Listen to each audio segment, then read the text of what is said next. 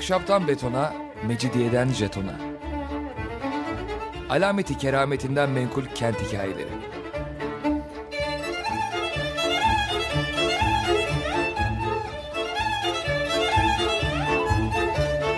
Hazırlayan ve sunan Pınar Erkan.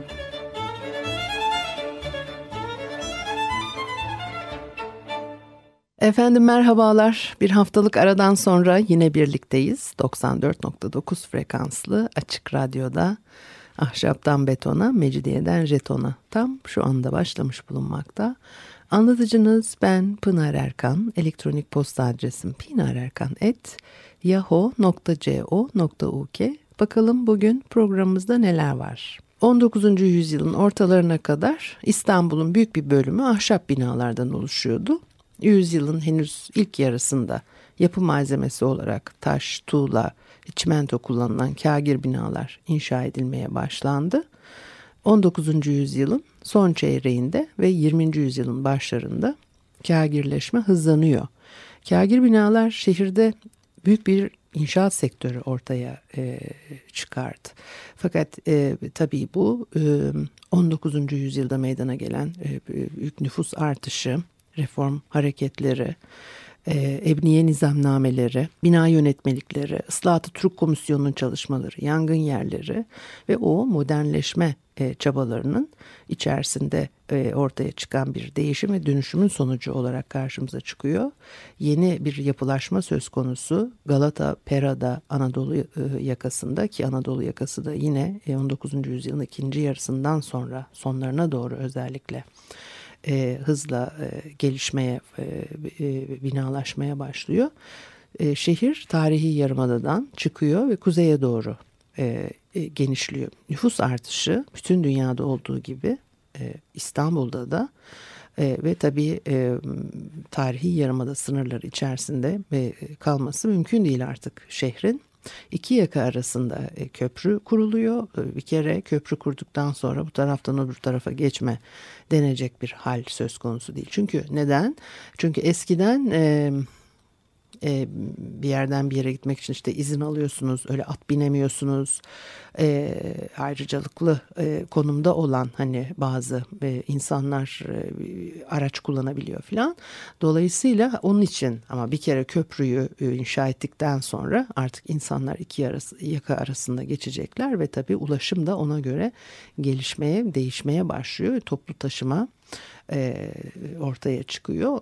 E, nedir? O hani Boğaz'da şirketi hariye vapurlarının işlemeye başlaması dahi 19. yüzyılın ortasında bütün bu hareketlerin e, bir göstergesi. Dolayısıyla e, yani şimdi İstanbul'da ahşaptan kagire geçiş Tanzimat döneminde başladı dedik ama e, daha önceki programlar şimdi son zamanlarda yapılan çalışmalar belki daha net bir e, şey söylenecek zaman içerisinde. Çünkü anlaşılan o ki 15, 16, 17. yüzyılda da kagir yapı e, e, var İstanb'ul'da ve bahçe içerisinde bir avlunun etrafında dizilmiş kagir evler. Daha sonra bunlar değişiyor. 18. yüzyıldan itibaren bakıyorsunuz bir 17. yüzyıl 18. yüzyıldan sonra bakıyorsunuz bir ahşap yapı dokusu ön plana çıkıyor. Hani bu böyle açık ve net bir şekilde ortaya konmuş ve söylenmiş değil ama belki de depremlerin sonucu olarak o İstanbul özellikle sivil mimari dokusu bir değişime uğramış. Hani 16. yüzyıla 18. yüzyıl şehir yapıları arasında e, kullanılan konstrüksiyon e, metodu ve malzeme açısından fark görülüyor. E, Boğaz kıyılarında inşa edilen e, sahil sarayları da öyleydi. Doğan Kuba'nın restitüsyon çizimlerini yaptırdığı e, o ilk e, Haliç kıyılarından hani başlayıp e, Boğaz'a e, uzanan e, sahil sarayları bakıyorsunuz aslında başta ahşap değil onlar e, kagir inşa edilmişler veya yarı kagir yarı ahşap inşa edilmişler. Sonra 18. yüzyılda tabii hızlanıyor ya bütün bu e, e, inşaat lale devri ve ondan sonraki dönemlerde Boğaz kıyılarında hızlı bir yapılaşma söz konusu ve sahil sarayları özellikle 19. yüzyılda çok hızlı bir e, e, değişim gelişme gösteriyor. Fossati e, kardeşlerin tabii bunda çok etkisi var. E, bir kere e, bugün kemik hastanesi olarak e, kullanılan Mustafa Reşit Paşa sahil sarayını inşa ediyorlar. Hatta e, Topkapı yanlış söyledim Topkapı değil Dolmabahçe Sarayı da e, o hani örnek alınarak e, ilham alınarak diyelim e, e, yapılıyor. Onun arkasından da ve 19. E, yüzyıl içerisinde inşa edilen ilk kagir e, saraydır, sahil sarayıdır. E, Mustafa Reşit Paşa Sahil Sarayı ve bu bütün e, Boğaz kıyılarına sirayet ediyor onu görüyoruz. Hızlı bir ahşap sahil sarayı inşaatı söz konusu yalılar e, çok farklı mimari etkilerin de söz konusu olduğu bir dönem. Dolayısıyla ve işte yangından da nasiplerini alıyorlar. Bir de tabii bu gözden düşme, işte padişahın gözdesi olma, ihsan toprak ihsan edilmesi durumu ve ondan sonra gözden düşünce o toprağın geri alınması veya e, Boğaz'da verilmiş bir sahil sarayı bir şey varsa o geri alınıyor. Sonra bir yeni e, o, e, sahibine veriliyor kim e, gözde olduysa filan. Dolayısıyla onlar da ya onarıyorlar e, ihtiyaç duyuluyorsa bakıyorlar yıkıyorlar bir daha inşa ediyorlar filan ve tabii inşaat e, ahşap inşa etmek e, kolay Kagir'e göre. Böyle çok hızlı bir değişim dönüşüm söz konusu 19. yüzyılda her e, e, alanda. Dolayısıyla hani e, ondan imtina ederim. Yani ahşaptan kagire geçiş sanki sadece 19. yüzyılda e, konuşulmuş veya hani kagir bina yokmuş İstanbul'da gibi böyle bir hep algı e, oluşuyor. Halbuki o tabii çok e, doğru bir şey değil. Şimdi ama Tanzimat döneminde kagir yapılaşmayı yönetim teşvik ediyor. 1846 e, tarihli bir e, meclisi vala kararında Kagir Emniye'nin gerek dayanmak ve gerek muhatarai nariyeden salim olmak cihetleriyle ahşap binaya rüçhaniyeti bediyesi vardır deniyor. Yani e, kagir'in ahşaba e, üstünlüğü vurgulanıyor. E, kagir inşaatlarına e, kolaylıkla ruhsat verileceği e, ifade ediliyor. E, Ebniye nizamnameleriyle çok e, desteklenmiştir. E, Mustafa Reşit Paşa'nın o hikayesi e, Londra'da elçilikte çalışırken tabi İstanbul yangınlarının haberleri sürekli oraya da gidiyor. İkide bir adama taciz ediyorlarmış. Siz kagir yapı inşa etmeyi bilmiyor musunuz? Neden bu kadar yangın oluyor? Niye ahşap yapı inşa ediyorsunuz? Niye bir önlem almıyorsunuz? malzemeniz mi yok? Kagir yapı inşa etmeyi mi bilmiyorsunuz filan diye ve ona sinirleniyor ve o yani e, araştırmalarını yapıyor, hazırlıklarını yapıyor. Zaten e, şehre döndükten sonra e, görev aldığında bu konuya çok önem verdi. Ahşap yapıya karşı kagir e, yapının teşvik edilmesi için o ilk çalışmaları yaptı. Fosati kardeşleri de e, destekleyerek hamiliklerini e, üstlenerek diyeyim. Tabii ben bunların da hamilin üstleneyim falan diye bir işe girişilmiyor o dönemde ama hani olan o nihayetinde.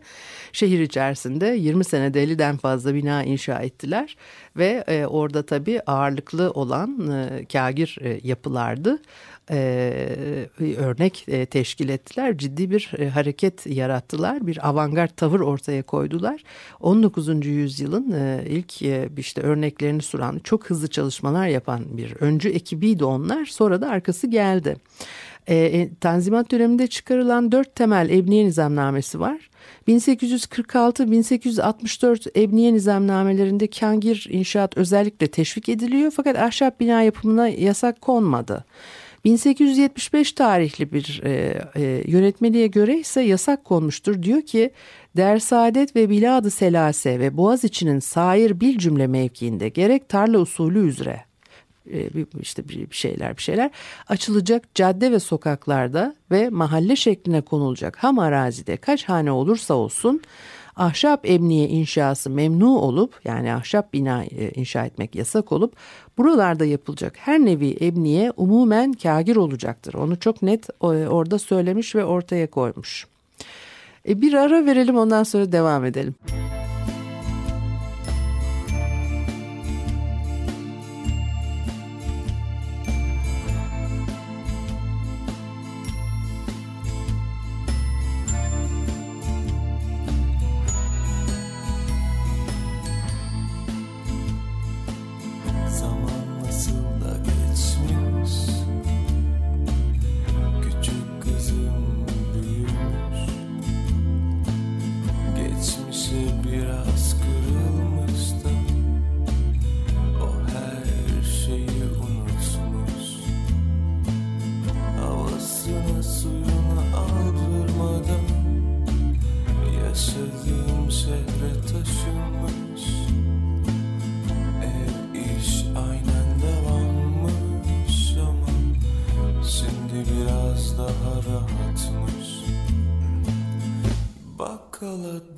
Çıkıp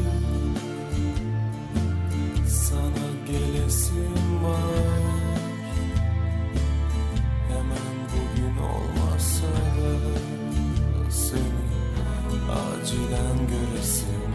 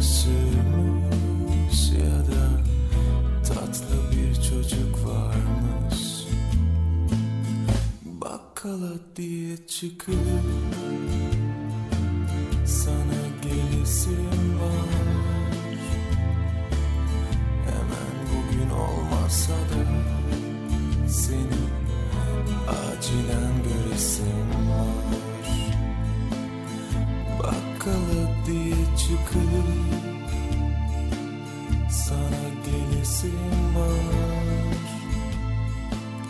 Hemen bugün olmasa da seni acilen göresim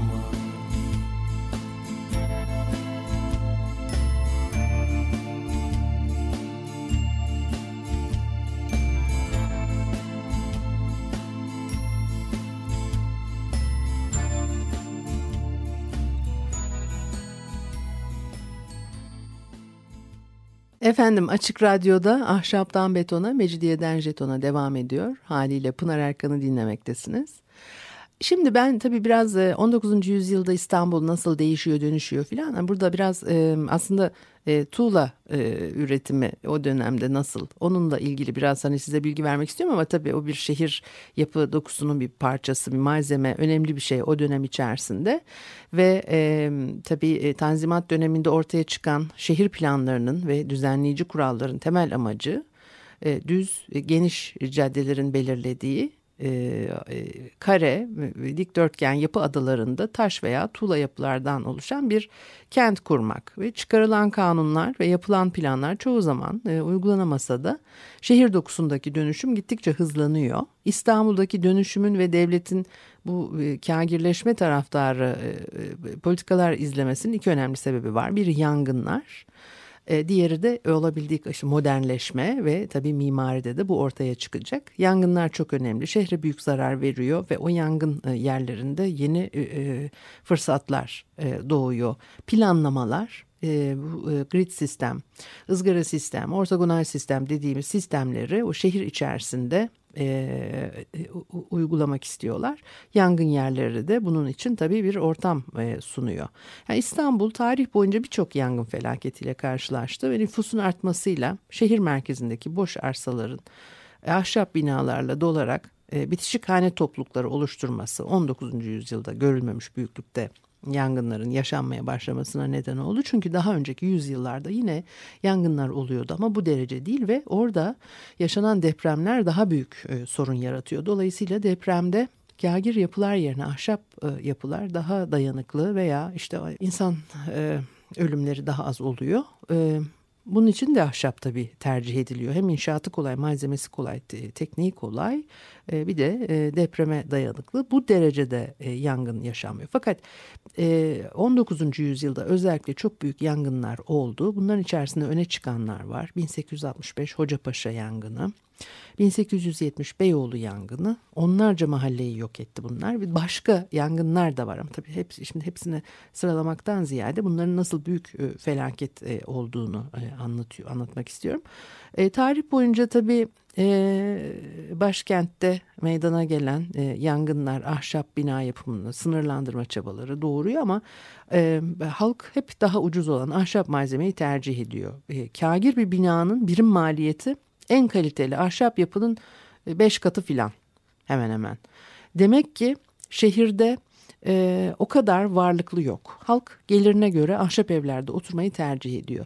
Çünkü e, bakıyorsunuz hani tabii yüzyıllar farklı bir belki kıyaslanmaz. Ancak e, Roma'yı konuştuk daha önce. İtalya'da e, 15. 16. yüzyılda yine yangın sebebiyle bu e, ahşap yapı dokusundan kagire geçiş o söz konusu oldu. Onlar da buna benzer bir, bir e, durum yaşadılar. Keza İngiltere'de benzer e, bir durum söz konusu oldu büyük yangınlardan sonra. Ama çok daha erken yüzyıllarda bunları e, yaptılar. Biz çok geç tarihlere kadar e, bu önlemleri almadık.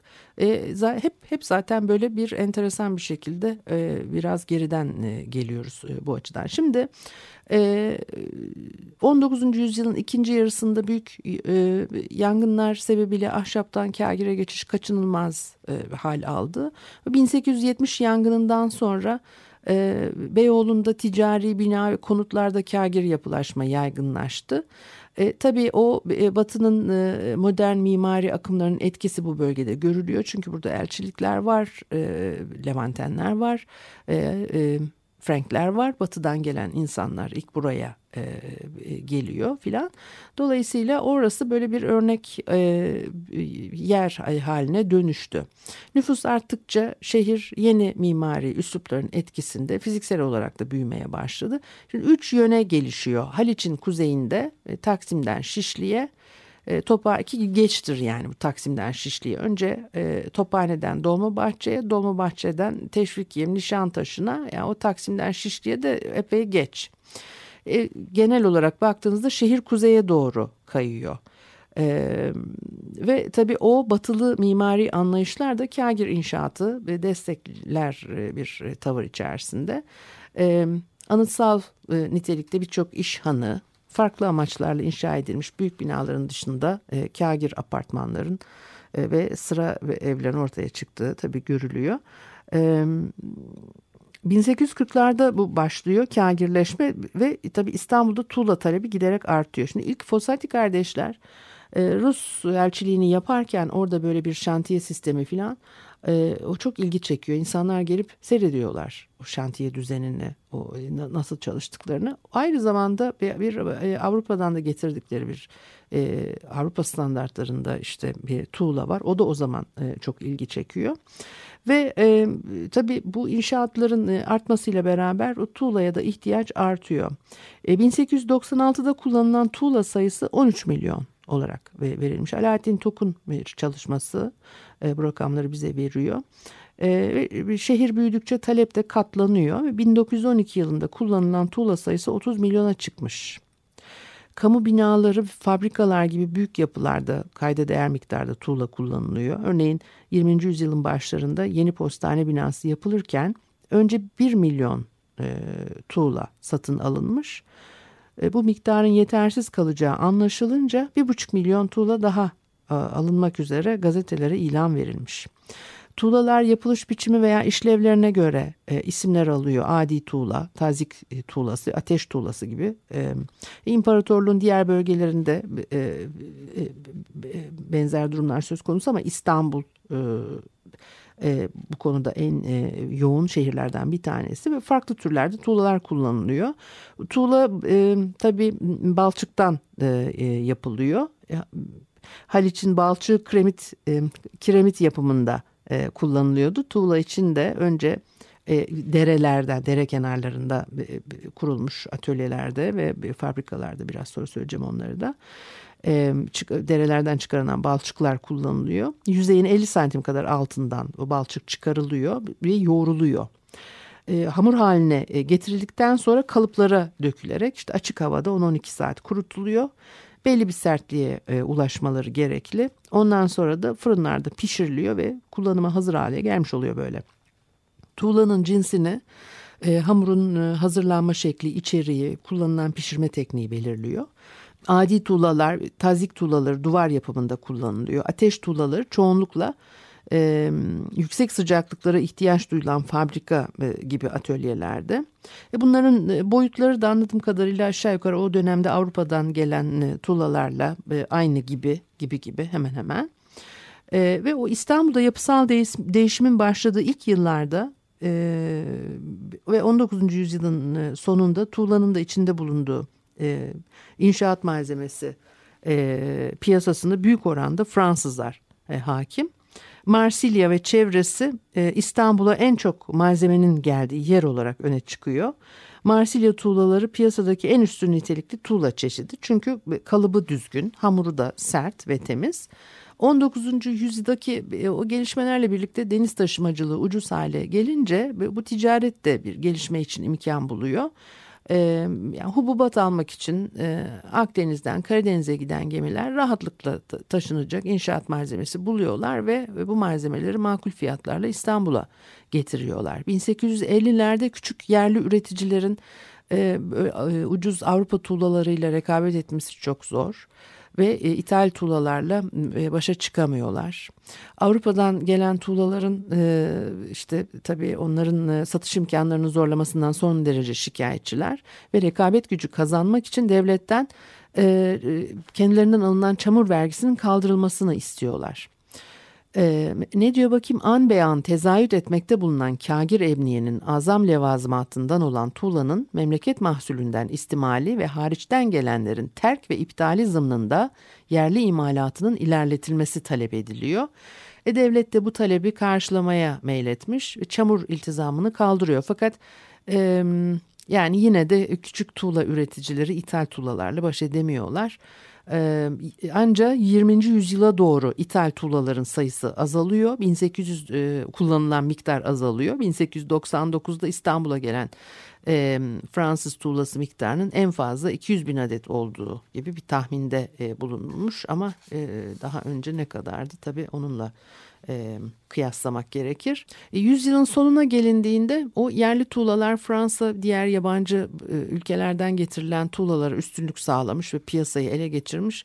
Önceleri İngiltere'den gelen ateş e, tuğlaları da yerli üreticiler tarafından e, büyük oranda üretilir hale e, geliyor ve 20. yüzyılın başlarında e, toplam tuğla ithalatı 4000 tondan az. Hem adi tuğla hem de ateş tuğlası ithalinde e, İngiltere lider haline gelmiş.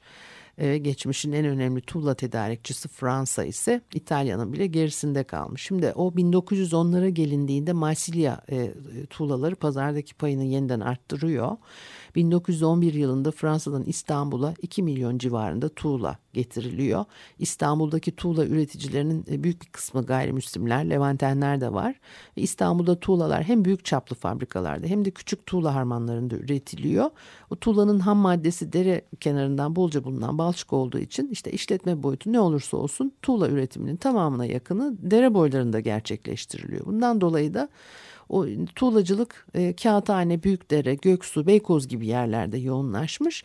Bunlardan başka Feriköy ve Hasköy'de de tuğla fabrikaları vardı. 1896 yılı itibariyle İstanbul'da en çok üretim yapıldığı yer e, o İt, e, İtalyan tebaasından e, Monsieur Solomon'a ait fabrika Büyükdere'de yer alıyor onun tesisi ve üretime İstanbul toplamının yaklaşık üçte birine tekabül ediyor. Çok da e, büyük bir e, rakam. Salomon'un tuğlaları çok kaliteliymiş. E, dolayısıyla ithal tuğlalarla iyi rekabet ediyor. Fabrikasında çalışan işçiler de hep övülüyor çok becerikliler diye. E, bizim meşhur Kamonda ailesinin de kağıthanede e, fabrikası var. Vasilaki'nin Büyükdere'de, Şahbazya'nın Hasköy'de, Mustafa Bey'in Göksu'da tuğla fabrikaları çalışıyor.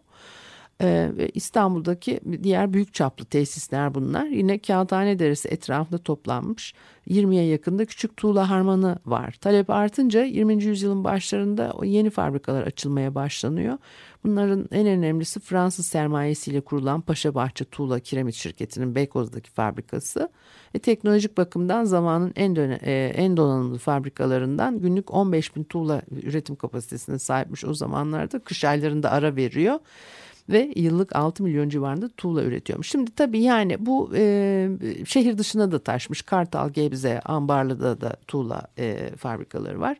E, e, o Cumhuriyet dönemine gelindiğinde de malzeme e, büyük sıkıntıydı. E, üretim bu konularda büyük sıkıntıydı. E, 19. yüzyıldaki hareketin nasıl olduğuyla ilgili en azından bir malzeme inşaatta. E, onun üzerinde biraz konuşmuş olduk. Bugünlük bu kadar olsun. Haftaya görüşene kadar hoşçakalınız.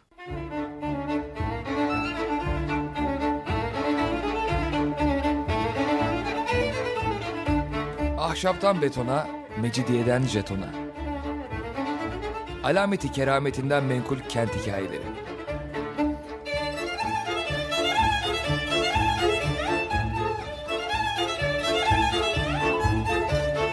Hazırlayan ve sunan Pınar Erkan.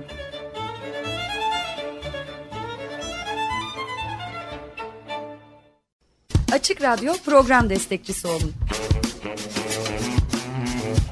Bir veya daha fazla programa destek olmak için 212 alan koduyla 343 41 41.